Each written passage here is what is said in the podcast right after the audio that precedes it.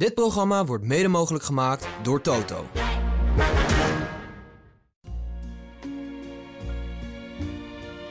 Ik zie het helemaal voor me hoe die Henderson dan op zijn eerste dag in de gym komt en dat hij dan de enige is. Die om zich heen pasveer. kijkt. Met ja, met pasveer. pasveer. Met pasveer. And uh, there used to be a ballpark where the field was warm and green. Dit is eh, de podcast van Hartgras nummer game 149. with a joy Rechts van mij Frans Tomezen, tegenover mij Wessel Penning en daarnaast Michel Dodeman. Uh, begin even met Michel. Eh, jij hebt in de komende Hartgras, die over een dag of 8, 9 uitkomt, een stuk over Willem Willemsson. Ja. Ik wil even van je weten, wat ging er door je heen toen hij de assist gaf gisteren met de borst? Nou, ik vond het een- wel een typische Willem Willemson assist. Met Ja. de borst. ja, Heel, heel kunstig. ja. Maar er ging ook wel veel fout. Maar ik zag wel steeds pogingen bij hem om wat moois te doen. Om een dribbel in te zetten. Om eh, een moeilijke paas te geven. Dus ik was, eh, ja, ik was tevreden. ja, ik vond het echt een ongelofelijke bal. Ja, Want wie, dat, durf je niet. nee. nee niemand zou dat zo doen in de. Eredivisie. Nou, ik weet, ik heb nagedacht. Alleen Ronald de Boer misschien.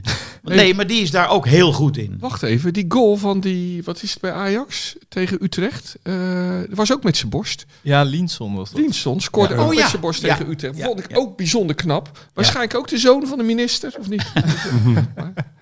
Ja, want dat weten de luisteraars niet allemaal. Hij is de zoon van de minister van Volksgezondheid. op IJsland. Ja, ja, ja. voor een eh, centrumpartij volgens mij iets meer neigend naar rechts. Eh, ja, dat, dat is zijn vader. En die is ook oud-trainer van eh Breidablik, een van de Die heeft hem getraind ook. Volgens mij net niet. Oh. Nee. En heeft hij gestudeerd? Willemson. Ja? De- de speler? Nee, volgens mij niet. Nee. Hij is al heel vroeg naar eh, Wit-Rusland gegaan. Eh, Belarus. Ja, een hele een rare... transfer van IJsland naar Wissel. Ja, hele rare move. Maar hij ging toen met zijn vader en zijn zaakwaarnemer eh, kijken. Want eh, eh, die club was eh, geïnteresseerd. En eh, toen wonnen ze die avond van Arsenal. Die Wit-Russische club. Ja, eh, ik ben de naam, eh, de naam is me even Die ontschoten. naam op Minsk, of niet? Eh, nee, volgens mij niet. Nou ja, daar kom ik wel op. In ieder geval, die wonnen van Arsenal. Dus ja, hij dacht, daar, daar moet ik heen. Maar ja, dan zit je uiteindelijk in Wit-Rusland. Ja, is hij ook best wel lang nog gebleven. Dus eh, ja, zodoende. Ik ben benieuwd wat hij in, eh, in de zomer gaat doen. Je bedoelt qua verkassen. Ja, Of er belangstelling is. ja lijkt mij wel, toch? Of is het eh, total cult? Ja, misschien, misschien is het een beetje zoals Halilovic. Maar Ja. ik, ik vind het een goede speler. Ja, jullie zijn heel stil nu, maar... nou, eh, ik ben een beetje teleurgesteld. Want ik had gehoord dat hij de, de zoon was van de minister van Volksgezondheid. Dus één dacht ik, komt uit een goed sociaal- sociaal-democratisch milieu. Maar nu blijkt hij een beetje rechts te zijn. en is hij ook daarna gaan spelen in Minsk, in Wit-Rusland. En eh, dat is jammer, dit past allemaal niet in het beeld. Nee, Ik dacht een intellectueel voetbalschoenen, waar je altijd een beetje van droomt eigenlijk in de Nou, voetballerij. het, het is wel een, eh, volgens mij wel een intelligente jongen. Ik heb hem toen gesproken na de wedstrijd. Het is wel een hele vriendelijke, bedachtzame, slimme jongen. Maar niet iemand die per se het achterste van zijn tong laat zien. Maar hij komt, hij komt wel heel intelligent over. Ja. Maar ik wilde eigenlijk beginnen met jou, Henk. Want jouw boek is natuurlijk eh, uitgekomen. ja, dat moeten we toch even benoemen. Ik heb het eh, gelezen. Ik vond het heel erg goed. Ik was ook wel benieuwd. Je hebt natuurlijk een kleine mediatour gedaan Ja. interviews. Wat was, wat was je favoriet? En was het tijd voor Max? Eh, wat was je favoriet? En was het tijd voor Mark? Ja. Nee, het beste gesprek was met Mieke van der Weijen en Pieter van der Wielen. Die, dat was echt heel goed. Die hadden het heel zorgvuldig gelezen. En bij eh, Tijd voor Max voelde ik me prima op mijn gemak. Ja, het is daar gewoon een hele prettige sfeer. Maar ik zepte een keer op een gegeven moment toevallig langs en toen zag ik je heel boos kijken. Nee, maar nee, ik dacht, eh, nu zegt Nee. iemand anders iets doms, maar dat Nee. viel wel mee. Nee, en daar staat Simone Walraven. En eh, dat is natuurlijk een soort voormalig tieneridool. Eh, Ja. Niet dat ik toen tiener was, maar Je voelde je wel zo.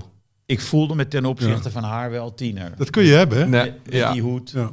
Ze had altijd een hoed op. Ja, maar ze was wel heel leuk toen. Ze vroeger. sprak de, Ja, echt de ja. allergrootste sterren. Ja, dat weet jij niet. Ja. Maar zij interviewde gewoon eh, George Harrison, Paul McCartney, Mick Jagger, Michael Jackson, you name it. ja, en, En- ze ging toen uiteindelijk toch ook met een... eh, Zo'n popjongen. ja, Ging ze naar Engeland, in één keer was ze weg. Ja.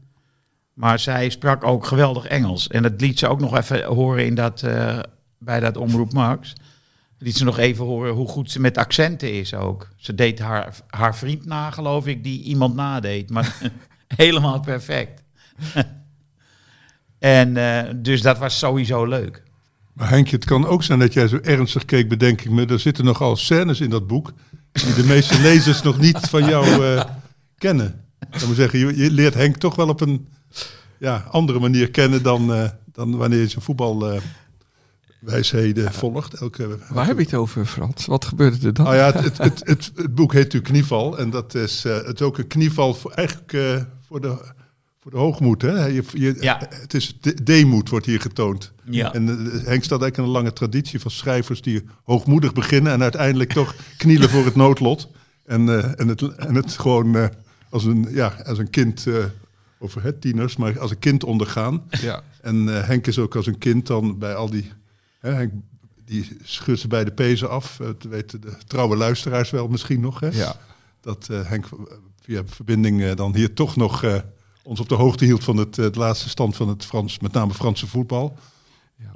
Maar het hele wereldvoetbal eigenlijk bleef jij toch vanuit je ziekbed eh Ja. nauwgezet volgen. Ja, Maar eh, dus het is, een, eh, het is eigenlijk, eh, Henk valt en staat langzaam weer op. De ondertitel is heel mooi, vond ik. eh, notities bij het opkrabbelen. En, Ja, eh, maar dat, dat kind voelen, hè, dat, dat, dat heb ik ook wel eens in het ziekenhuis gehad. Als de, de, de enkele keer op een, op een ingewikkeld moment. Hoe je, je, hoe je de, de, de dokter of de verpleegkundige als je moeder beschouwt op dat moment. Hoe, de, hoe dat voelt, dat je die warmte nodig hebt. En ik heb ook altijd het verhaal, maar Frans, jij weet ongetwijfeld zeker of dat ook klopt. Dat die, die soldaten in de, in de Eerste Wereldoorlog, die in de loopgraven lagen eh, of een been kwijtraakten. En waar ze dan in, in, ehm, o- op hun veldbed het hardst om riepen, was om hun moeder. ja, maar die jongens waren natuurlijk... Die kwamen ook van een moeder. Die waren, waren als je- 19. waren Ja. 18 als je die Ja. kruis op... eh, Ja, ook op de Tweede Wereldoorlog ziet. 18 was eigenlijk de gemiddelde leeftijd om te sneuvelen. Hè? ja, ja. Eh, maar Henk, eh, Henk heeft het overleefd, gelukkig. Maar, Ja. eh, maar om zijn moeder, ik weet niet of je om je moeder riep, maar je- nee, het was het mooie van Henk. Als je hem kent, die, je verzette je heftig tegen deze rol. Het was niet een vrijwillige overgave aan de, aan de zorg. nee, ik zeggen. nee, nee, Ja. Dus dat is ook, ook heel mooi. Dus langzaam moet je je gewonnen geven. Hè? Het manoeuvreren van een brancard uit een deur die daar niet echt op gebouwd is. En een trapje wat daar ook niet echt handig uitkomt. En ik weet niet, weet niet hoeveel Henk weegt, maar het zal niet eh, veel onder de 100 kilo zijn. Ho, hallo. Rustig aan. Ik, Oh.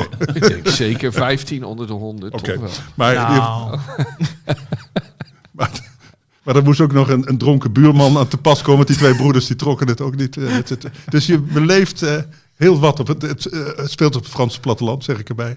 Ja, die man die, die ging helpen met tillen. Ja, die, Want die twee eh zieke broeders, die eh brancardiers, zeg maar...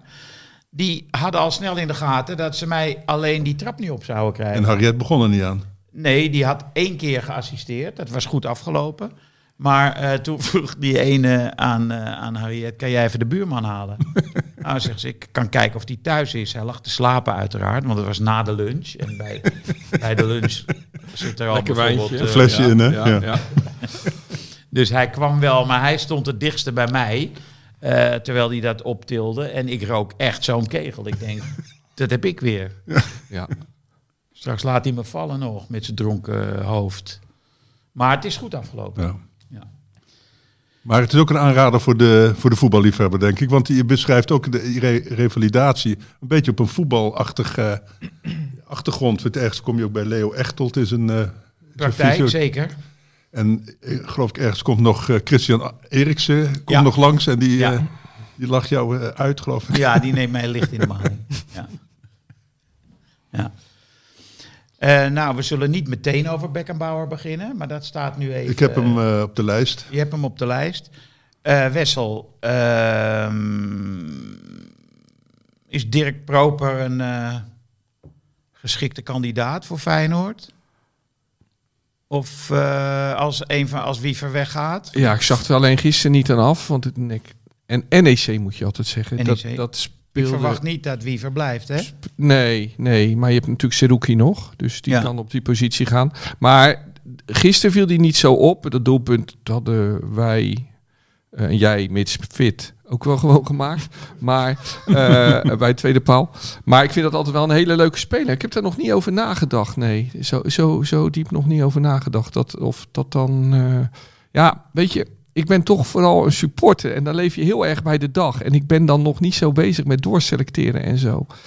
Ehm, ik vind het allereerst belangrijk dat slot blijft. Ik hoop dat heel erg, dat hij nog een jaar gaat blijven. En misschien is het dus wel goed als Feyenoord dit jaar dus inderdaad geen kampioen wordt. En waarschijnlijk ook, behalve misschien de beker, geen prijzen wint. Dan gaat hij nog een jaar door. En vind ik het allerbelangrijkste aan Feyenoord op dit moment. En neem je Timber kwalijk dat hij twee ballen echt een beetje mist? Nee, want Timber is eigenlijk al, al weken, maanden, eh, meestal een van de beste. Ja, nu ook veld. weer, vond ik. Ik vond Ja. sowieso Wiever en, en Timber vond ik waanzinnig goed. Nou, allebei. Feyenoord speelde echt de eerste helft fantastisch voetbal. Eh, Was je in het stadion ook? Ja, nog? ik ben- er altijd. en, eh, in principe, vraag, In sorry. principe, ja. Maar eh Feyenoord speelde de eerste helft echt geweldig voetbal. En dan steeds stel ik mezelf, denk ik bij mezelf, waar zit ik naar te kijken? Want dat heb ik hier al vaak uitgemeten. Ik heb zoveel lomp voetbal gezien in de afgelopen 40 jaar in de Kuip. Dat je nu ziet wat trainen doet. En, eh, ehm, en als ik dan af en toe dat één keer raken, dat pasen, dat hard inspelen. het- Echt voortreffelijk voetbal. Maar het gemooi is natuurlijk begonnen. Want Feyenoord heeft gisteren 2-2 gespeeld. En Slot moet niet meer zeuren over de statistieken. eh, zegt Van Hanegem en zeggen veel supporters. Hij moet gewoon winnen. Eh, ik ben nog steeds bang dat Feyenoord ooit weer terug naar af gaat. En weer een eh, amateurclub wordt. En dat zit hem dan in het beleid en de organisatie. En de druk van buitenaf. Want eh, ehm, ja, Rotterdammers willen toch... eh, Ja, maar hoe kun je dit nou, deze 2-2 op beleid eh, schuiven, Wessel? Dat is... Nou, ehm, ehm, het is natuurlijk allemaal geen toeval meer. Zo vaak beter spelen, uit bij Lazio, uit bij Atletico. En steeds die goals die ze, die ze weggeven, dat slot ook zegt, ze hoeven maar naar onze 16 meter te kijken en hij ligt er al in. En dat, dat is wel, je, je kan het nu niet meer pech noemen. Ik zie het ook niet meer. Ik geloof ook niet dat het Trauner is. Is Nou, ik dacht wel, Nieuwkoop is wel een stuk slechter dan Gertruiden op de Maar die, rechtsback. die heeft nul vertrouwen. Dat was Ja. een ongelukkige wissel. Maar op dat, moment, op, op dat moment was het natuurlijk al heel raar 2-1 geworden. Terwijl het bij de rust 4-0 had moeten staan. Ja. En eh, ehm, maar er is ook iets raars in de kuip gaande. Mensen zitten een beetje gezellig te praten. Zoals ik me dat vroeger altijd in de arena voorstelde. Toen daar altijd nog gewonnen werd van... Nou ja, ja ach, oh, 2-1. Oh, nou ja, kan gebeuren. En Ja, beetje- Amerikaans honkbal. terwijl bij Feyenoord aan. altijd wel gehoord Een heeft... doos nachos halen. Ja, dat, Maar precies bij Ajax dat, heb je dat toch in de arena vaak, dat geroezemoes. Ja, ja. Hè? En dat is in de Kuip niet. In de Kuip was altijd toch... We moeten ze steunen op leven en dood. Anders dan ligt het gevaar op de loer. En, en ehm, ik voel de stemming veranderen. En ik denk, kijk dan om me heen. En ik denk, mensen zijn we allemaal zo kort van geheugen. Het, het, eh, eh, het moet blijven. Dus, dus ze kunnen nog niet zonder echte steun. Nou hou ik er niet van om hele wedstrijden te zingen hoor. Daar word ik heel moe van. Maar ehm, er is een gevoel van een soort van vrijblijvendheid op de, op de tribune, die misschien ook een beetje bij die spelers ligt, omdat ze denken: wij zijn zo goed, wij kunnen zo goed voetballen, we hebben zo'n goede trainer. Maar Ja, maar je hebt er ook de spelers voor. Als je kijkt, het gemak waarmee Stengs voetbalt, Ja. die moet, dat, dat is gewoon geen eh, havenarbeider, zou ik maar zeggen. Dat Nee. zal die nooit eh, worden. Dus die, die zijn op hun best als ze laconiek ja, aannemen en een beetje risico nemen. En Ja. ik hè, voor Real Madrid zag ik eh, toevallig ook nog een stukje. Ja, dat is ook een soort van dat vrije tijds eh, voetbal. ja. Hè, met eh, hakje, hakje, hakje en eh, Die toch de de, bal. tweede, de tweede helft echt Barça helemaal weggetikt. ja. ja. Dus dat, dat is toch, als je goed voetbalt, gaat dat vanzelf. Zo lijkt Maar- het wel. Ja, die vrijblijvendheid, of tenminste dat eh, gevoel van er is niks aan de hand, dat paste natuurlijk ook wel echt bij de wedstrijd. Want de eerste helft, ja, normaal maakt Feyenoord er toch gewoon vijf. Ja. Ik vond het, ik vond het denk ik nu meer pech dan... Maar behalve dat ze natuurlijk de laatste 25 minuten heel matig speelden. Ja. Ja, dat En wel. dat slot misschien, maar ik durf bijna ja, dat niet te gold voor. PSV ook, laatste kwartier. Ja, Ja. maar die Dus- stonden toen met 3-1 voor. Hè? Dus- ja, maar die zakten wel. Ook, ook door wissels Ja, trouwens. ja. Die werden ook slechter Ja, maar ik de denk dan einde winterstop en nog niet helemaal eh, sharp. Ja, maar het is te vaak gebeurd dit seizoen. Maar het is ook eh, heel raar denken. Je zou eigenlijk dik tevreden moeten zijn over dit seizoen van Feyenoord. Behalve dat er één club 12 is punten. die iets absurds presteert. Ehm, anders dan had Feyenoord nog wel dichtbij gestaan. En dus je proeft ook, eh, iedereen zegt, oh die plek 2 dat lukt wel. Nou, Twente staat op we twee even- punten nu. Hè? Nou, Ja. twee punten. En, en in drie jaar slot hebben we nog nooit een crisis gehad. En nu gaat Feyenoord eh, naar Vitesse. Nou, normaal gesproken moet dat wel lukken. Daarna komt PSV of Twente voor de beker. Naar de Kuip is heel belangrijk. Want wie, wint van die wedstrijd, wie die wedstrijd wint, die gaat misschien wel de beker winnen. En daarna gaat Feyenoord volgens mij naar AZ. Dus we hebben nog niet gezien wat er gebeurt met Slot en Feyenoord op het moment dat er echt druk opkomt. Dat is steeds op de scheids. tijdig afgewend. Ja, ja, ja. Dus En misschien op zijn spelers ook al. Of niet? Doet hij dat nooit? Nou, ik denk niet in het openbaar. Dat lijkt me, zo lijkt hij me niet. Maar ik, dat chagrijn komt wel in dat gezicht, tekent zich dat heel snel af. Ja. Nou is dat met die camera's op die, op die snoeten van die trainersgericht ook wel moeilijk om dat te verbergen, moet ik zeggen. ja, maar het lijkt me ook wel heel cool. Ja, wat Ancelotti altijd doet, hè? Die, die gooit Ja. mensen bijna van hem af, hè? Als ze op zijn nek springen. Maar zo cool blijven. Ja, bij voetbal is, zijn we toch ook allemaal begonnen voor de emotie en de, en de blijdschap. En eh wat vooral als, als er gescoord wordt, spring je dan op? Eh, Als Feyenoord scoort niet. nee, nee, nee, nee, nee. Bij ploegen waar jij enige sympathie voor Nederlands hebt. elftal. Laten we het neutraal houden in godsnaam. Nee, ik heb wel van die, van die eh, dingen waar ik ook knie- knieblessures van zou kunnen krijgen. Dat je ineens zo'n bal toch erin Ja, ja. Ja, meeschoppen. mees, meeschoppen. Ja, dat ja, heb ik dat wel. doe ik dat, ook. dat ik Nee, nee, maar de 5-1 tegen Spanje. Ben je toen opgestaan? Maar die bal Ja, nou, het, ik het hangt weten. erbij wel van af. Als ik met mijn zoons kijk wel, want dan wordt dat, die hebben dat wel, Ja. als- dat aanstekelijke. Een soort massahysterie krijg Ja, je dan. Ja. ja, Ja. ze Tomezen. Maar ik heb de neiging wel als de hele arena op, opspringt om rustig te blijven zitten. Dat heb ik wel. Jij ook, Henk? Eh Dus ik hangt spring een beetje dan van het uit een soort af. beleefdheid spring ik dan wel op. Maar ik heb een vriend die bij, bij Telstar, die Die springt... met die Maserati? Ja, die, die, die, die moet ik, wij spreken steeds uit, uit het dak plukken weer. Want die, Ja. veert voortdurend, ook bij elke kans is die al... eh, Maar ik vind dat ook wel de, de lol van het voetbal. Jij, Michel? Ja, ik, vind, ik ben wel ook wel een, eh, Een springer. Ja. Ja. Bij- maar wel bij mooie doelpunten. Inderdaad, Ja. bij Van Persie heb ik wel echt gesprongen. Ja. Ja. Heb ik meegedoken ook. Ja. Ja, ja. Ja, nee, maar, dat, ja, maar dat, dat wel, ja. Eh, terugdenk. Zeker, de, je bedoelt die, eh, die raket, zou ik maar zeggen, die Ja. kopbal, ja. Ik vind de ontlading eh, echt wel een van de hele leuke dingen van, van voetbal. Echt, eh voor ja, en- sowieso. Nee, nee, maar dat, dat heb ik wel. Maar het gaat erom of dat met springen gepaard ja, ja, gaat ja, of niet. ja, ja. Nee, ik heb die behoefte. Ja. Eh, het is wel zo dat, eh, of het nou PSV of Feyenoord is, als het de laatste minuut is en het is gelijk spel en in de laatste minuut maken ze de winnende, dan maakt de club me verder niet uit. Dan geef ik wel een gil Ja, ja, en steek mijn handen omhoog. ja. Ja.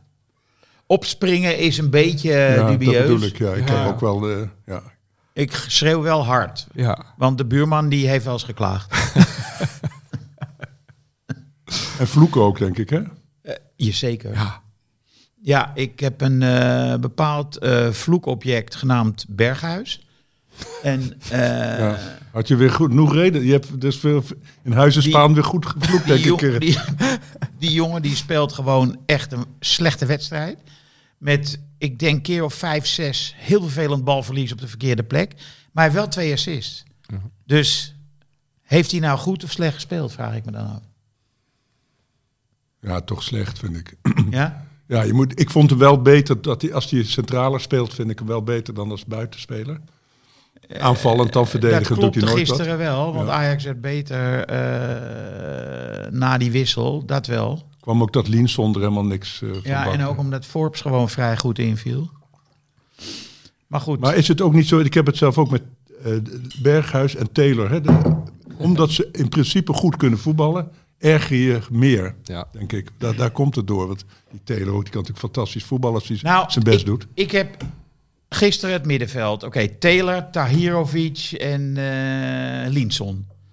Dat is gewoon geen middenveld. Dat zijn drie spelers. Ik heb voor morgen een stukje gemaakt. Ik denk dat ze dat vandaag online zetten. Wat is het beste middenveld dat ik ooit heb gezien? Dat is Van Hanegem, Jansen, Haziel. Drie totaal verschillende spelers. En die toch als een geweldige eenheid opereren.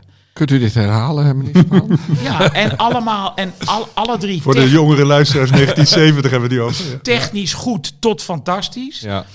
Tactisch subliem, alle drie.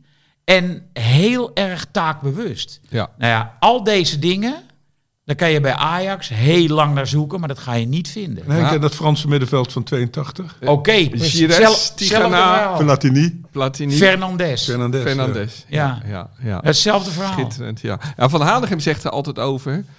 Hij werd altijd zo gek van dat gezeur. Wie kan, de uh, Kuksu kan niet in één... Of nee, Wiever en Zerouki kunnen niet. in- En Van Hanegem zijn gewoon drie goede voetballers. Taakbewust. Ieder zijn eigen rol op het middenveld. En je komt er al, zegt Nou ja, het bekende voorbeeld Barcelona met al die eh, lichtgewichtjes. Iniesta. Xavi, Busquets. En, en Busquets alleen maar van die mooie voetballers. Wat hebben we nu een paar mooie middenvelden besproken, zeg. hé. Ja, En dan heb je ook nog de variant van een subliem middenveld met Henderson. Ik vind dat je, Nou, wacht even. Dit is, dit is een bruggetje, hè, natuurlijk. Want op zich, nou ja, interessant toch? ik weet het niet. Eh, wat vind jij, Michel? Nou, ik denk dat het probleem bij Ajax voelt voor mij een beetje dat... eh, ik denk dat gisteren de oudste spelers op het veld bij Ajax Berghuis en Bergwijn waren. Ja.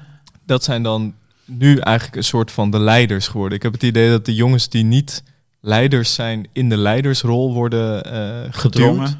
Ja. Eigenlijk zoals, zoals wat voorheen dan Blind en Tadic deden, dat moeten zij nu doen. Ja. Maar dat, zij zijn dat helemaal niet. Nee. Dus je moet dan toch een soort bliksemafleider gaan hebben. Ik denk wel dat hij, ja, eh, ik, ik, heb, ik volg de competitie in Saudi-Arabië niet.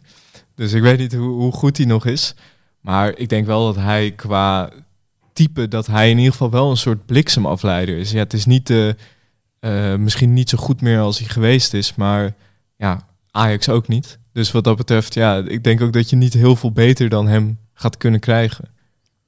Ja, het is, eh, ik weet niet, als Henderson en Milner samen bij Liverpool op het middenveld stonden, dan was het bijna altijd gewoon verloren wedstrijd. Ik haal die twee Ja. altijd door elkaar.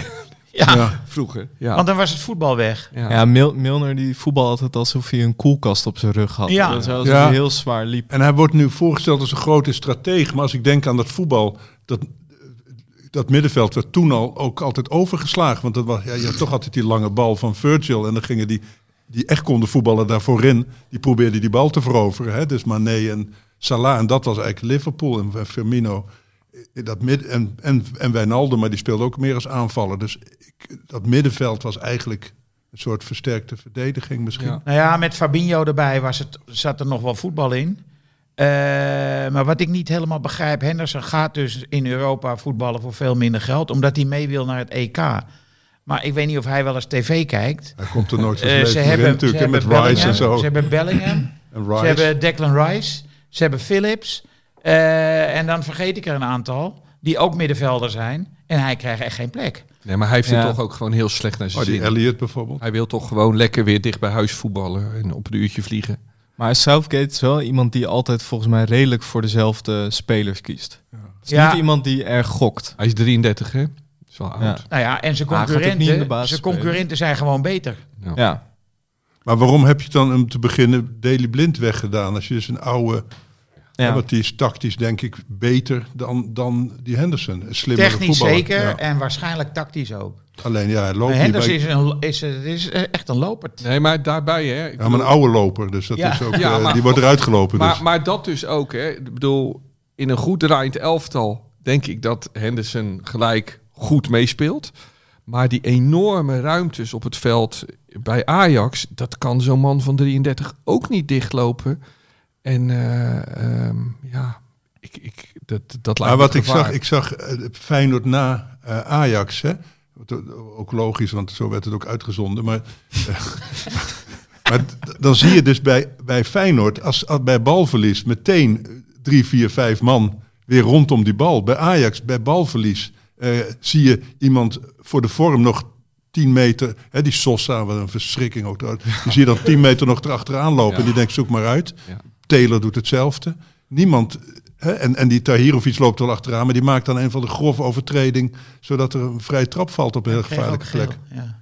En, en dus als dat verschil vond ik zo groot. En dat, heeft, dat los je niet op met een, een oude Nee. Oude veteraan uit eh, Saudi-Arabië te laten overkomen. Ja. Dan, komt, dan, dan gaan ze niet ineens allemaal goed mee verdedigen. En eh, tenzij die Henderson ze echt eh, te pakken neemt, zou ik maar zeggen, bij een keel grijpt in de kleedkamer. En zegt nog één keer en eh, ik sla je in tweeën, Ja, weet je maar wel. is hij nou zo gemotiveerd?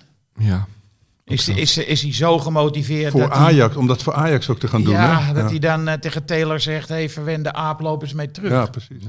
En hij schijnt Dat ook heel vriendelijk te zijn, wat ik ook dan niet dat is niet goed. Ik denk dat ze beter luisteren als ze echt verrot worden. Ja. ja. Ik zie het helemaal voor me hoe die Henderson dan op zijn eerste dag in de gym komt en dat hij dan de enige is. Die om zich heen pasveer. kijkt. Met ja, met pasveer. pasveer. Met pas weer. Een keeper met de, van 40 met een staart. Ja. Maar dat vond ik wel veelzeggend. Ja. Dat, dat pasveer, wat natuurlijk lijkt me een hele laconieke, eh, solidaire jongen... die echt niet zijn, zijn, zijn medespelers snel afvalt. Dit zegt, vond ik wel... Maar eh, Michel, je hebt eh eh, pas weer, oké, die zegt er is eh, te weinig beleving, ze gaan niet naar de gym en zo. En dan hoor ik dat hij, hij zei ook dat hij voor een bord had gestaan met magneetjes. en dat die jonge spelers, ik denk eh Linson, Brobby, eh, Hato, weet ik veel, dat die dan naar hem kijken. Maar ik, ik kan me wel voorstellen dat ze naar hem kijken, maar luisteren ze ook of zitten ze alleen maar te giechelen? Nou, wat ik me afvroeg, eh, zat Stijn ook te kijken? Ja. Zat hij naast die jongens? Was dat in de periode Stijn? Ja, Ja, ja, ja, ja, ja. ja, ja. Dat hij die lezing gaf? Ja, ja. Ja. Ja, ja, dat was volgens mij in de tijd van, eh, in de tijd van Stijn. Nou, Stijn kan sowieso iets leren dan, dat, dat wel. Maar eh, Misschien ja. had Stijn het gedelegeerd naar de reservekeeper. Maar hij is vierde keeper of zoiets, hè? Pas weer, is toch vierde keeper? Eh, je hebt, eh, ja, ja, je hebt Roelie, Ramai, Gorter ja, hij en is vierde Pasveer. keeper. Ja, Ja, en het is toch wel zo dat in de Morris van de kleedkamer, ik weet niet of de woorden van een vierde keeper veel gewicht in de schaal leggen. Nee. Hè? Denk het niet, hè? Nee. Van de Vaart zei Van gisteren... de eerste keeper al weinig, denk ik. Van de Vaart zei gisteren bij Studio Voetbal inderdaad... Die zei van, eh, nou als een keeper mij dat gaat vertellen... ga ik echt niet luisteren. Oh ja, zei hij ja, dat? zoiets, ja. ja. ja. Ja. Nou ja, goed. Oké, eh, jij bent licht teleurgesteld, maar wel opgelucht dat het 2-2 is gebleven naar huis gegaan gisteren. Nee, nee, nee, Oh. nee, nee, nee. Zwaar teleurgesteld. Ja, ik, ik, ik, ik de- ik balsem een beetje. Ja, ja, zoals we in Rotterdam zeggen, in de teringregen naar, eh, eh, naar, bal huis met een beetje zout erin, hè? Ook, ja. Nee, nee, echt, echt, echt eh, eh, enorm de pest in gehad. Want eh dit heb ik eigenlijk nog nooit meegemaakt. Goed spelen, eerste helft 2-0 voorstaan. En, eh, en dan toch niet winnen. En terwijl ik alles heb meegemaakt, dacht ik. Dus ik vond dit heel teleurstellend, ja. Ja. Bij Ajax heb je Tottenham Hotspur gevoel op dat gebied, hè? Ja, ja maar daar heb ik wat anders beleefd. eh, Ja. Toen, toen sprong je ook op van de bank, of niet? Ik eh, ga daar eh, eh, ooit eh, over uit school klappen. Maar dan... Hoe hoog je sprong. Nee, nee, nee, nee. Hoe diep ik door de knieën ging voor de tv. Oh. Een religieus moment. Dank, diepe danken. Er moet toch... Alsof er, alsof er, alsof er iets gebeurde wat niet echt was. Oh ja. Dus dat, eh, dat eh, ja. Oké, heeft iemand nog Afrika Cup gekeken gisteren? samenvattingen. Samenvattingen. Het zag er heel ja, warm er zat, uit. er zat steeds eh, eh, eh, ander voetbal tussendoor. Dus Nou, Nou, zeg jij het eerst we, maar. nee, we hadden het er net al Ja. over. Er was, was eigenlijk te veel voetbal dit weekend. ja, ja, ja. Het liep ook allemaal net. Ik heb bijvoorbeeld, ik heb alles ook een beetje half gezien. Want Feyenoord was nog bezig. Toen kwam Manchester United Ja. Tottenham. Toen ben ik, ga, heb ik tot mijn grote spijt, moet ik dit bekennen, heb ik gezept. Ja, ik ook. Eh, maar dat snap ik wel. Ja. Toen daarna was er eh Classico, Real Madrid, Barcelona. Toen was er nog AC Milan, AS Roma. Was bezig. Eh Afrika Cup was nog tussendoor. Ja, er waren al drie, drie wedstrijden on- ongeveer tegelijk bezig. Ja. To- toen nog. Ja, wij zeiden net, eh, Frans zei het ook, ik had een beetje Henk Spaans stress. ik dacht, morgen, morgen moeten we naar hard gras. Ja, En ik moet dat, dus ik zei ook tegen mijn vriendin, ik moet al die dingen een beetje zien, want als we het erover gaan hebben, maar het was te veel, want toen was ook nog eens Paris Saint-Germain bezig Ja. tegen Lens. ja. Het was te veel. Het was. Ja. Ik wilde de hele tijd naar Henk appen van Henk, wat kijk jij nu? ja, we hadden Kan ik meekijken? Volgende keer een rooster van Henk krijgen. een soort huiswerk. Nou, ik zat eh, Manchester United Spurs te kijken. Echt een geweldige wedstrijd. eh, over het woord intensiteit gesproken. We moeten het nog even over Veerman hebben. Premier League wordt bij hem nooit genoemd. Hè? Maar dat gaan we zo, even doen. Ehm, en Rashford maakt een fantastisch doelpunt. En ik ben gewoon, denk ik, niet helemaal goed bij mijn hoofd. Want dat, dat dan. Dat, dat zet ik dan op, op Twitter X. Geweldig doelpunt, waanzinnig goede speler, Rashford. Ik krijg meteen tien reacties van mensen die zeggen... maar ja, hij heeft een slecht seizoen. heb ik net een geweldig doelpunt gezien. Ik geef daar kont van. En dan krijg je dat alleen maar. Ja. Ja, waarom? Als jij zou appen van Wiever superpaas... ga ik toch niet zeggen van de eerste, deze wedstrijd? ja, maar dat soort mensen bleven natuurlijk vroeger voor ons verscholen. Ja, ja, En die, die zijn nu iets geworden. ja. En ja. Ja, maar we hadden het net ook over Berghuis, die ook eh, briljante acties afwisselt met diep triest, eh, lamlendig voetbal. Toch? Dat is, ja. waar leg je de nadruk op? Het is allebei waar. Ja. Kijk, het is een slecht seizoen en het is een waanzinnig doel. Maar dat, bij aanvallers heb je dat heel vaak volgens mij. Die, die bestaan eigenlijk uit momenten. Er zijn heel weinig aanvallers die een hele... ja, precies. kunnen het erover... Hè, de- Dat is het punt. Berghuis verliest heel vaak de bal omdat hij een actie onderneemt met risico. Alleen de houding daarna Ja. is irritant. Want het lijkt erop dat hij leidt door die mislukte actie. Dat is niet waar. Wij leiden door die mislukte actie. Ah, Hij gisteren had ook weer. zo'n hele domme dat hij op het doel afliep. Ja, En dan gewoon die bal vergeet, lijkt het wel. En gewoon die, te- die tegenstander hoeft er niks te doen. Die, die kreeg die bal gewoon. ja die, die af- liep gewoon weg met die bal. Ja. Ik heb wel elke keer als ik die Sosa zie spelen, dan denk ik, ja, belangenverstrengeling is wel de enige reden waarom je hem zou halen. Toch? Ja, Ja, maar dat, dat geldt voor Medisch toch ook? Ja, Ja. maar medisch vind ik wel duidelijk. Sosa is natuurlijk wel gewoon Kroatisch international. Ja. Dus Ajax zal hem wel weer voor een mooi bedrag kunnen doorverkopen. Schat ik in. Maar Medic, Medic dat klinkt als... eh, vroeger, er gebeurde toch vaker dat dan het, eh, het ongelukkige broertje... ook ja, nog bij een Van contact Petta, heeft. bij PSV. Ja, en bij Ajax Zeiden is het toch altijd, ook toen, dit is de toen tweede met eh. Suarez. Toen Ja, werd het toch ook... Ja, Ja. dus... Oh, Lodero. Ja. Zo lijkt dit een beetje. Eh, je krijgt Shootalo, wat achteraf misschien ook niet zo'n goed idee was. En dan, maar dan moet je Medic ook nemen. Ja, maar bij Zoiets. Shooterlo zie ik wel dat hij goed kan voetballen. Dat zie je. Hij bedoelt, het is een jongen die zonder enig vertrouwen, denk ik, Ja. speelt. En hij, kan, hij spreekt ook geen andere talen. Dus ik denk dat hij ook mentaal... eh, Ik vond het een heel leuk shot. Dat Bergwijn staat te redeneren, te fulmineren tegen de scheids. En die scheids die zegt dingen terug. En daarachter zie je een beetje vaag al, door de diepte-scherpteverlegging, zie je dus Soetalo, die staat gewoon te luisteren. Maar die, die begrijpt er helemaal geen Nee, reet van nee. natuurlijk. Nee, nee, nee. Het is een beetje net zoals Harry Kane aan het begin van dit seizoen, dat hij naar die Duitse scheidsrechter rende en toen dacht, hey, ik spreek helemaal geen Duits. Dat toen hij wegging.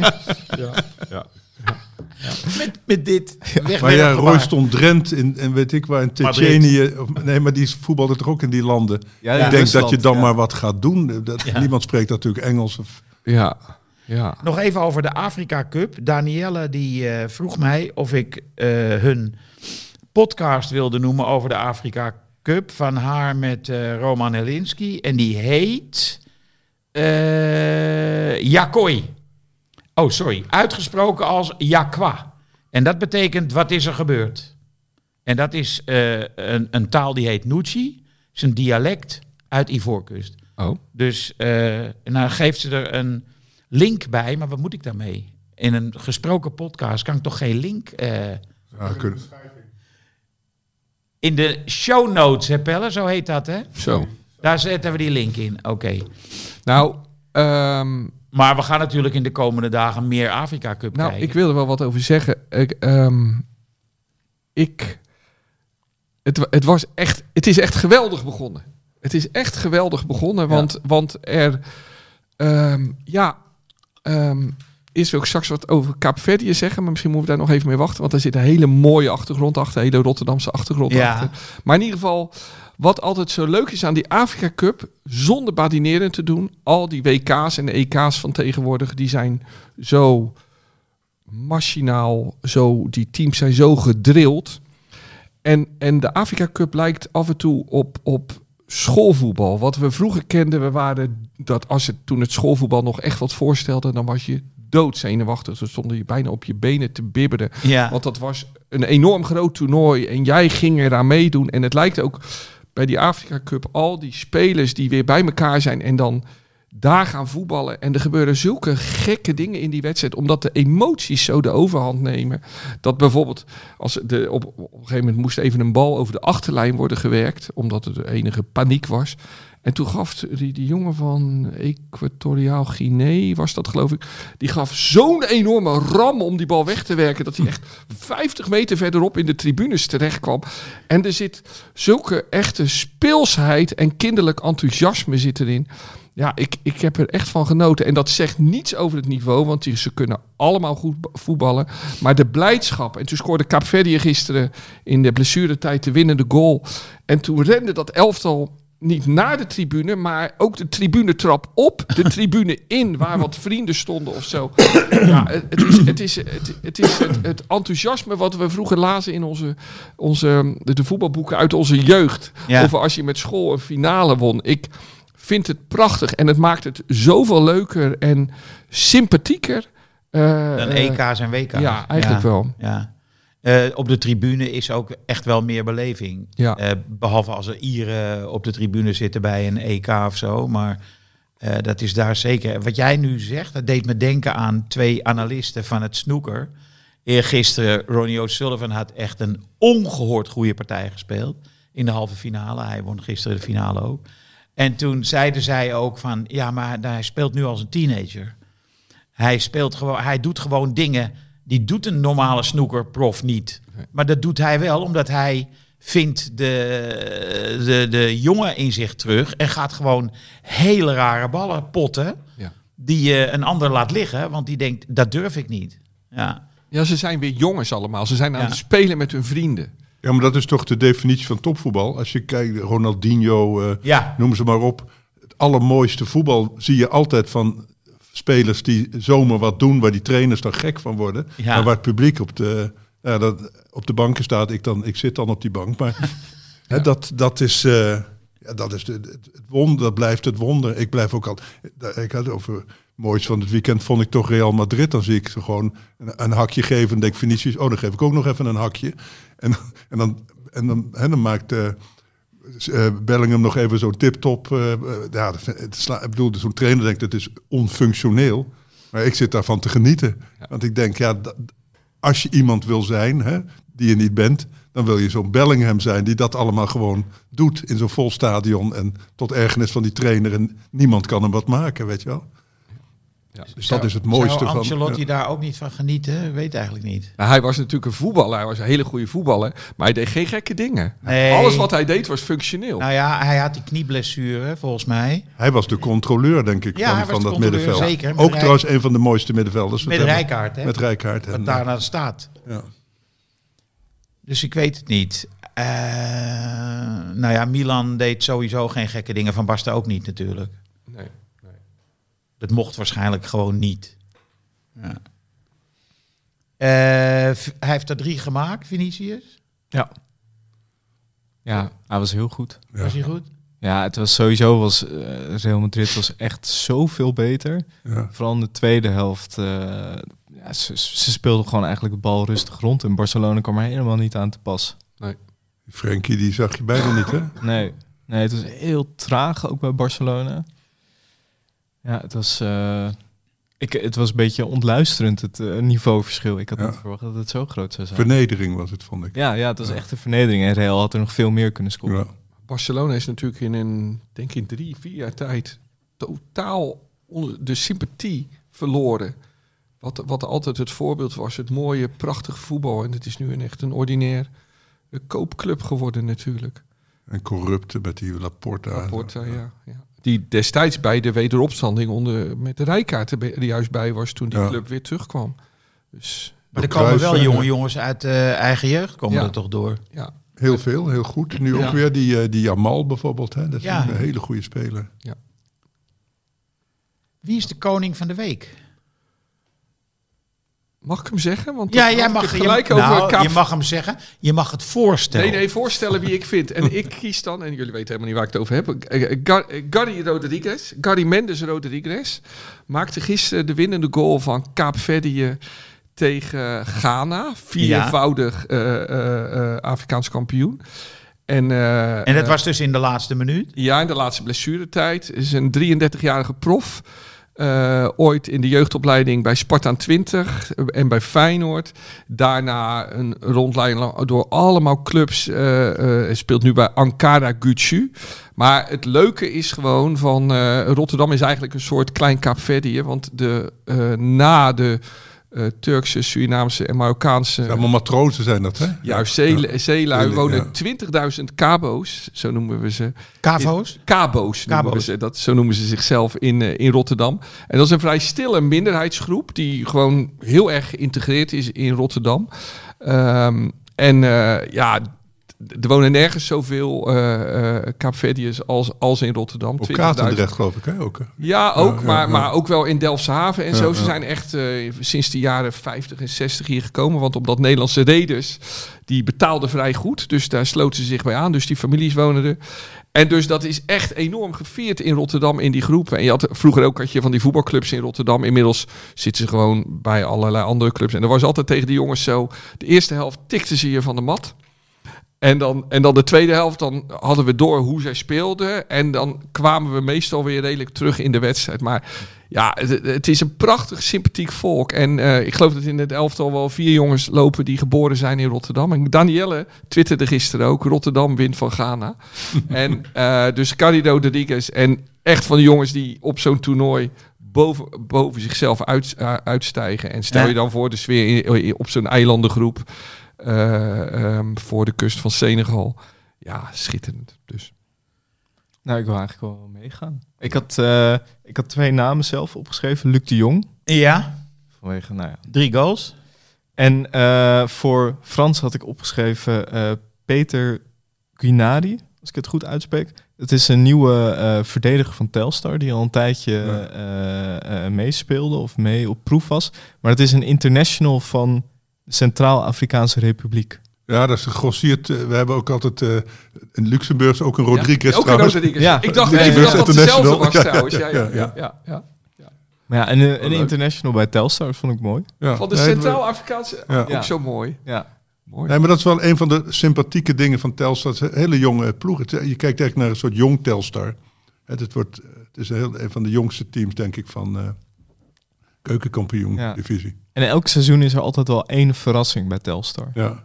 Eén, sp- nee, altijd één speler waarvan je denkt, hoe komen ze daar? Oké. Ja. ja, laatste tijd eh, ver komen ze niet meer. Maar, nee, maar Telstra is wel een soort opleidings... Ja, noodgedwongen, want ze krijgen een soort meer zakgeld, zou ik maar zeggen, dan een salaris daar.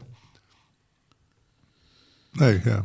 Ja, ik had ook Luc de Jong, want ik, ik vind, ja, als, ik zat er naar te kijken, ik ben niet een fan van hem. Maar ik moet zeggen, met hem spelen ze wel beter. Want als, toen hij eruit ging, ging Moet hij in het Nederlands elftal? Want daar wordt nu toch weer over gesproken. Ah, het is zo zonde zijn om hem niet mee te nemen. Want als je kijkt hoe goed. Nee, maar ja. En hij wil niet als, Weller zegt als- hij wil niet. hij wil niet als super sub. Maar daar heb je hem juist natuurlijk voor nodig. Als je 1-0 achter staat en je moet met eh, hoge ballen scoren. Ja, hij, hij kopt zo eh, secuur. Ik denk, van ik denk van dat niet, hij eh, wel eh, als meevoetballende spits is hij wel goed. Hij is steeds meer je een kan leider ook aan bij het worden. hè. jezelf denken, we, we gebruiken Brobby als... eh, Hij had dat hakje weer zo mooi. Ja, dat, hij, hij, hij, hij kan wel... eh, nou, maar je kan wel ook denken van, we zetten de jong in de basis. En als het nodig is, komt Brobby erin. Maar Laatste 20 minuten. en Weg, Weghorst wordt nu van spits 1 ineens spits 3. nou, Ja, ik ben er ook geen fan van. Het is allemaal karig natuurlijk. Ik was hem hè. vergeten en dan kom ja. jij opeens weer Ja, met die het naam. spijt me. Ik, vergeet, die, ik, ik herken dat, dat vergeten van Weghorst. Ja. Zou ik ook vaker moeten doen, ja. Hij is ook nooit geblesseerd of wel? Nee, helaas niet. Ja, je hoopt dat Depay natuurlijk ooit fit wordt en dat die het dan wordt. Want dat is natuurlijk wel raar. Nu hebben we, nu hebben we, nu hebben we weer Huizen erbij. Hè? Wat, die geweldig speelde vorige week toen, toen ik hem voor het eerst zag spelen met de AS Roma. Ehm, dus we hebben allemaal centrale verdedigers hebben we. En middenvelders hebben we ook wel. Maar een spits, ja, dat zou Brobby kunnen worden. En nu hebben we het dus over Luc de Jong. is een man van 33 die er ja, 15 inmiddels heeft gemaakt. Ja, ja, ja. Ja, en, en hij, is, hij is heel goed toch in die combinaties ook. Want dan zou je denken, Ja. het is een soort stoorzender, zo'n Nee. vogelverschrikker tussen al die mooie voetballers. Maar dat doet hij eh, ontzettend goed, vind ik. Ja, en eh, hij heeft mensen achter hem die hem kunnen aanspelen, hè? Zoals iemand als Veerman. Ja. Kan Het, ging, de- het ging trouwens ook veel minder bij PSV toen eh Schouten eruit ging en die Aanholt erin kwam. Dat vond ik ook zo'n eh, Ja. te groot verschil, zou ik Ik moet nu ook nog een koning van de week eh, bedenken. Eh, ik vind Luc, ik vind die eh, Rodriguez van jou leuk, vanwege het verhaal. Eh, als ik Luc de Jong zeg, dan wint hij het, hè? Nee, dan is het 2-2. Maar dan geeft Is je- waarschijnlijk het gewicht van jou de doorslag. Is, hebt ooit het Luc, over die is 100 Luc kilo. al een speler Nee, van nee, de nee. week nee het, geweest? eh, het- is, hij het, is hij het ooit geweest? Denk het niet, hè? Ik geloof het wel, ik zie Pelle Oh. ja Wel een knik Oh, ja. van. Ja, dan doen we die eh Ja, doen we. Carrero. Nee, ik doe niet eh, de Jong. Ik eh, doe Marcus Rashford. Hij eh, Voor schoot die mensen op Twitter. Ja, hij schoot een Dan bal worden die erin. mensen weer allemaal boos. Ja, interesseert me niet. Oké, Nou, dan gaat de trofee toch naar eh, Delfshaven. Weet je wat hij deed? dat is mooi. Hij kreeg een bal van eh, die Heulund. Was echt een goede kaats. Er was een heel klein beetje geluk dat hij hem onder controle kreeg. En toen schoot hij. En dat doen echte goede spitsen altijd tegenwoordig. Hij schoot hem door de benen van de centrale verdediger. En de keeper kon hem dus niet zien. Schoot hij hem in de verre hoek. Dit was zo verschrikkelijk goed afgemaakt. Eh, dus eh, ik zeg Marcus Rashford ook al vanwege het feit dat hij de enige voetballer is die in Engeland Boris Johnson aan zijn zegekar heeft gebonden. Ooit. Ik ga niet uitleggen. Het weer over politiek hebben? Nee, nee, niet. Dus het is Rodriguez geworden. Nou, dat, ik waardeer dat zeer. Ja, mooi. Eh, ik wil nog even iets zeggen over, over eh, iemand bij... eh, nee, we gaan eerst even Beckenbauer behandelen. Ja, ja. Beste ik- wedstrijd. Ja, het was wel gek. Als chef dood eh, zit je toch altijd op het vinkentouw. en ik, eh, ik was net voor de vorige opname, net eh, liep ik naar buiten, kijken of op mijn telefoon, denk ik, shit. Ja, Had hij, primeur had hij dat niet even sneller kunnen melden? Ja. Die, eh, Volgende Ja, keer moet, moet Frans eigenlijk worden teruggeroepen. Er is een dode, allemaal terugkeren naar de Ja, basis. en, eh, precies, PS. ja. maar gelukkig is, eh, duurt de dood altijd heel lang, dus dan eh, hebben we alle tijd.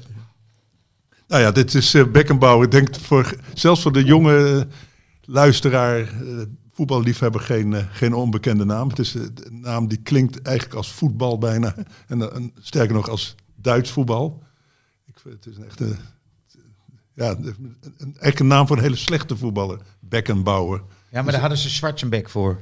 Voor dat slechte. Ja, Dat klinkt nog slechter dan Beckenbauer. ja. Ja. Maar de, hij, hij is, ja, en hij wordt ook altijd daarom liefkozend der Frans eh, genoemd, wat mij eh, ook als muziek in de oren klinkt. Want het was een, eigenlijk een, eh, alles wat Duits, hij stond voor alles wat Duitsland niet was, zou ik maar zeggen. Want je moet je ook voorstellen, hij was, het was een, we spreken nog van West-Duitsland. West-Duitsland stond eigenlijk feitelijk nog onder curatele van de geallieerden, want eh Ja. dat vertrouwden ze voor geen cent natuurlijk. En ze hadden natuurlijk al die uniformen nog gewoon in de mottenbal hangen. op zolder liggen. Ja, op zolder. Met nog een verdwaalde eh, machinegeweer daar in de kast.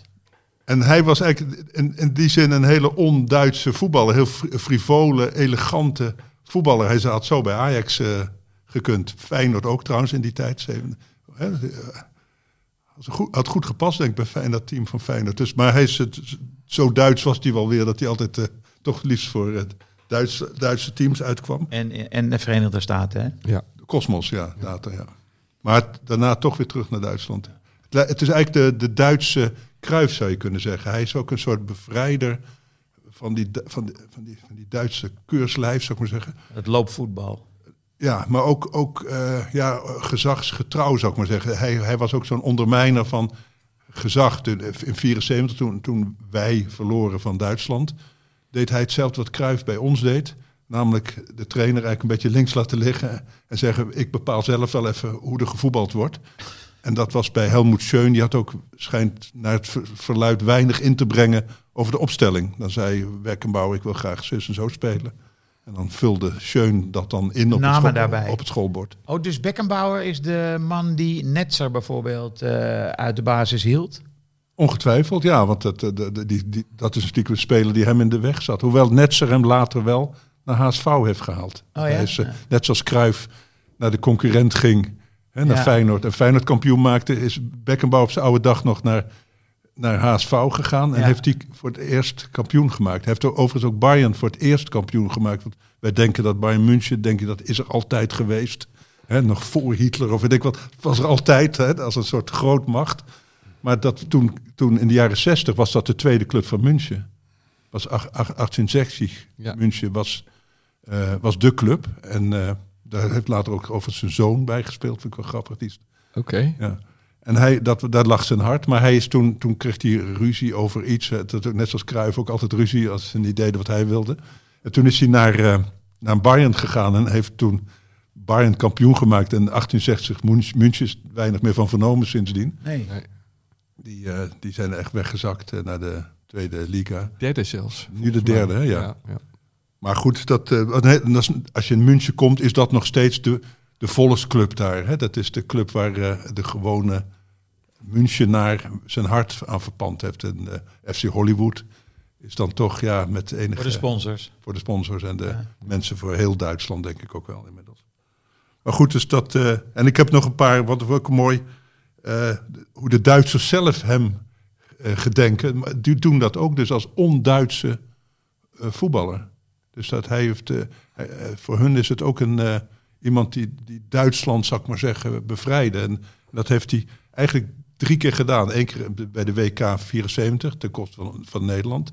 Wij konden ook niet zien dat zij goed konden voetballen, want wij konden het beter. Wij zijn Ja. daar als enige door verblind. De Duitsers zelf vinden dat hun allermooiste eh, WK, omdat het ook in eigen land was. En, en ook hun lievelingselftal, dat vonden ze het allermooiste Duitse elftal, wat ze met Gerd Müller natuurlijk enzovoort. Ja. En, en eh, toen is hij in 1990 is hij als bondscoach heeft hij zijn kampioen gemaakt tegen een bekende wedstrijd tegen Argentinië, tegen Maradona. Met, eh, met eh, Rudy Vuller en zo, dat soort. En eh, tegen Nederland, precies. en, en Nederland toen, de, de, voor ons nog bekender het Lama-incident, Ja. zou ik maar zeggen. De, de, de, de groene klodder eh, van, van Rijkaard is een matje Ja. van Vuller. Ja. En, maar heeft in 2006 heeft hij ook nog eens een keer dat Duitse Märchen, dat Duitse sprookje, toen, met, eh, toen Klinsmann weer bondscoach was. En toen ze zo mooi speelden, toen ze Ja. zo'n gekleurd team hadden, zo'n zo'n eh, divers team, toen on-Duits vonden wij, hè, met Eusiel en noem maar op. Toen was hij ook weer de architect daarvan, omdat hij die, die eh, eh, WK naar Duitsland toen heeft gehaald. Eh, weliswaar zelf ook wat geld in zijn zak gestoken. Maar dat, dat doen ze in München wel vaker.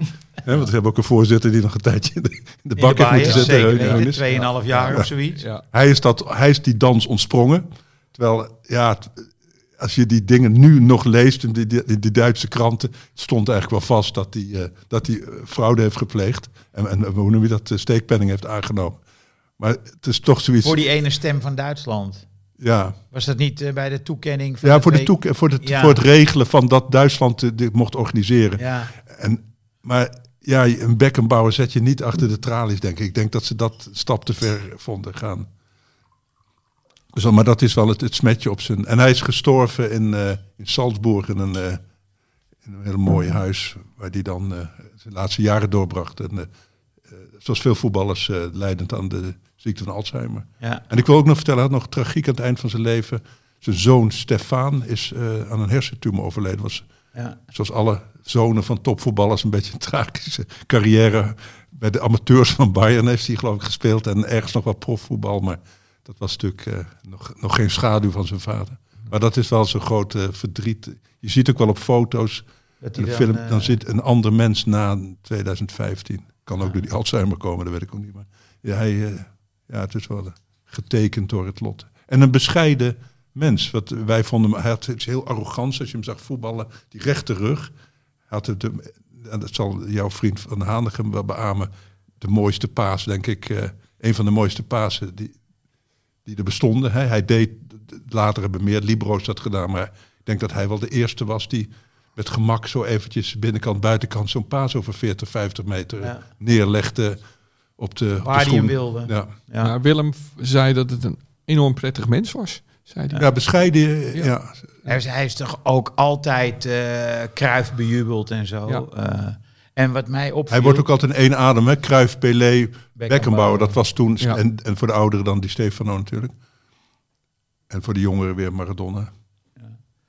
Ik vond het ook opvallend, ik zat hem ook te googlen natuurlijk, eh, dat hij eh, die finale tegen Engeland in 66, toen was hij gewoon pas 19. Ja, en middenveld, rechts, rechtshalf, hè? Ja, Ja, ja, speelde niet rechtshalf. 1970 was hij ook middenvelder. ja. Was hij gewoon een van de allerbeste spelers van toen. Ah, als verdediger ging hij... Hij was toch een, de eerste verdediger, denk ik, die inschoof, zoals het nu heet, in het middenveld. Ja. En dan met die rechte rug en dan kijken waar zal ik hem eens gaan passeren. Ja. En de, de, de eerste man die die passeerde, die keek hij nog niet aan. Hij was er hem al voorbij voordat hij er voorbij moest. Wat later ook eh, Ruud Krol en, en zijn gaan doen en zo. Maar dat was hij toch de allereerste. En, en dan, en dan hij kon ging hij ook wel mee met een, een de 1-2 is denk ik ook wel een Duitse uitvinding. Hè, of een, meer, want dat zie ik altijd, zie ik hem ook altijd doen. 1-2 en dan door en dan doorlopen naar, eh, naar het doel. En dan of een, of een assist geven of scoren. Hij scoorde redelijk veel voor een eh, Ja. verdediger. Eh, Effenberg zag ik op de Duitse televisie, Ja. althans op een clipje. Dat zag er, die, die kon niks zeggen. Die werd, kreeg een vraag en die Ontroerd. begon meteen te huilen en liep de studio uit. Nou ja, de presentator zei, blijf zitten Stefan, blijf zitten Stefan. Maar hij was echt al weg. Ja, het, het doet mij denken aan het, wat wij met Cruijff hadden. Ik had dat ook wel. Ik dacht, wat, hoe moet het nou verder? Zonder Cruijff, weet je wat?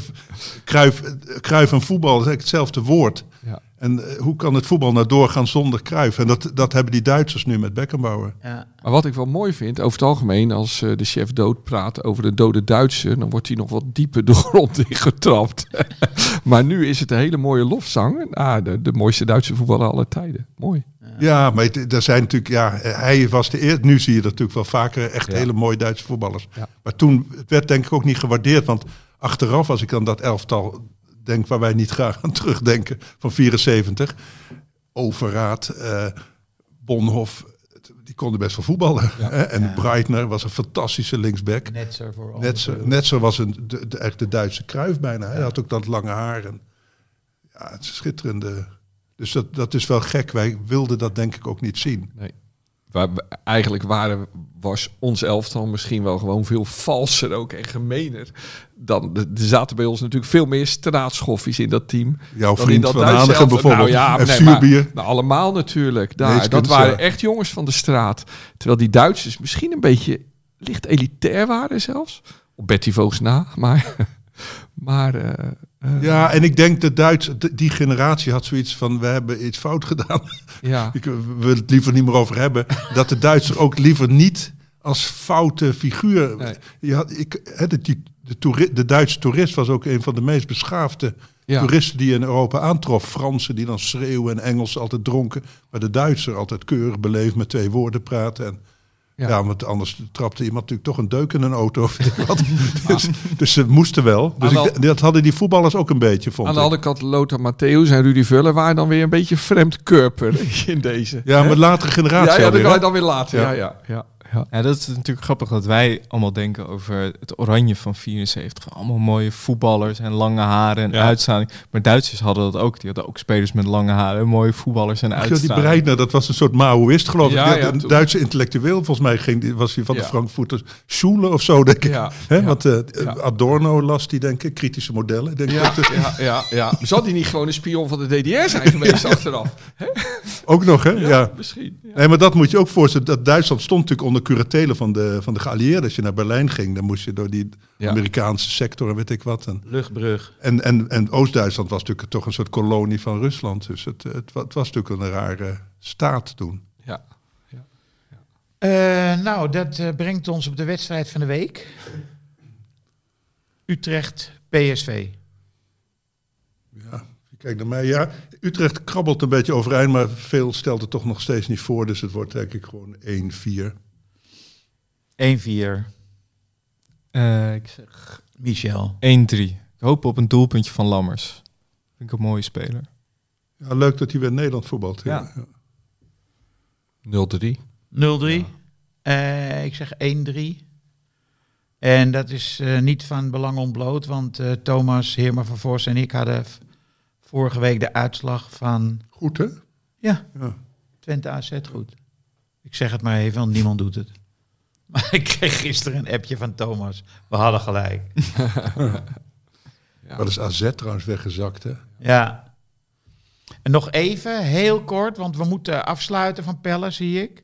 Eh, hebben jullie gelezen van MVV die die commercieel directeur heeft ontslagen? Ja. Omdat ze in een eh, soort charatel en, eh, Ja. eh, noem je zoiets, corset, zichzelf had laten fotograferen?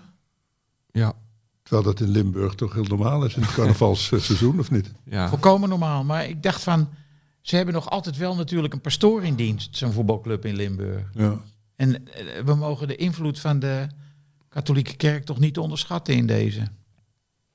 Ik, ik, ik eh, ben voor haar, ja. die commercieel directeur. ja, want als een mannelijke commercieel directeur in zijn onderbroek zou worden gefotografeerd, zouden ze zeggen, ah, Leuke Lachen. kerel. Lachen. Ja. Ja. leuke vent. Gewoon gebleven. Maar moeten we haar niet alsnog tot eh, koning van de week eh, benoemen? Die mevrouw. Eh, Of kan dat volgens de reglementen niet meer nu? Nee, dat volgens de, volgens de... Nee, Nee, oké. dat kan niet meer. Koningin van de week. Maar Koningin van de week, dat kan wel. Dat, dat kan wel, oké. is de commercieel directeur van MVV en we voelen met haar mee. Ja, het was, het was ook echt een, een, een zeer onschuldig kiekje. Ja, Niet zo bijzonder bloot, behalve dat er wel charretels, maar die bedekken ook een hoop. Dus Ja. wat dat betreft. Maar en, en de, je zag ook de ironie en, en, en de lol er wel in. Het was, het was bepaald niet om bepaalde gevoelens op te wekken bij eh, kijkers. Duidelijk niet. Dus. dus die eh, kapelaan, ik ga, ik, ga geen, nee, ik ga niks zeggen over kleine jongens en eh, wat ze allemaal wel mogen, maar eh, wij vinden haar lullig. Ik heb heel, al, heel veel dingen opgeschreven, maar niet haar naam. Jammer. Nou ja, anyway, zij is de koningin van de week. Tot volgende week. Yes, there used to be a ballpark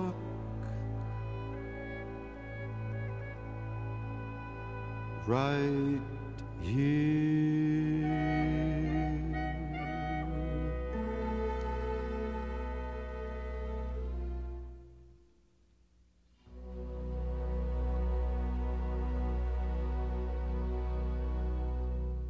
Dit programma werd mede mogelijk gemaakt door Toto.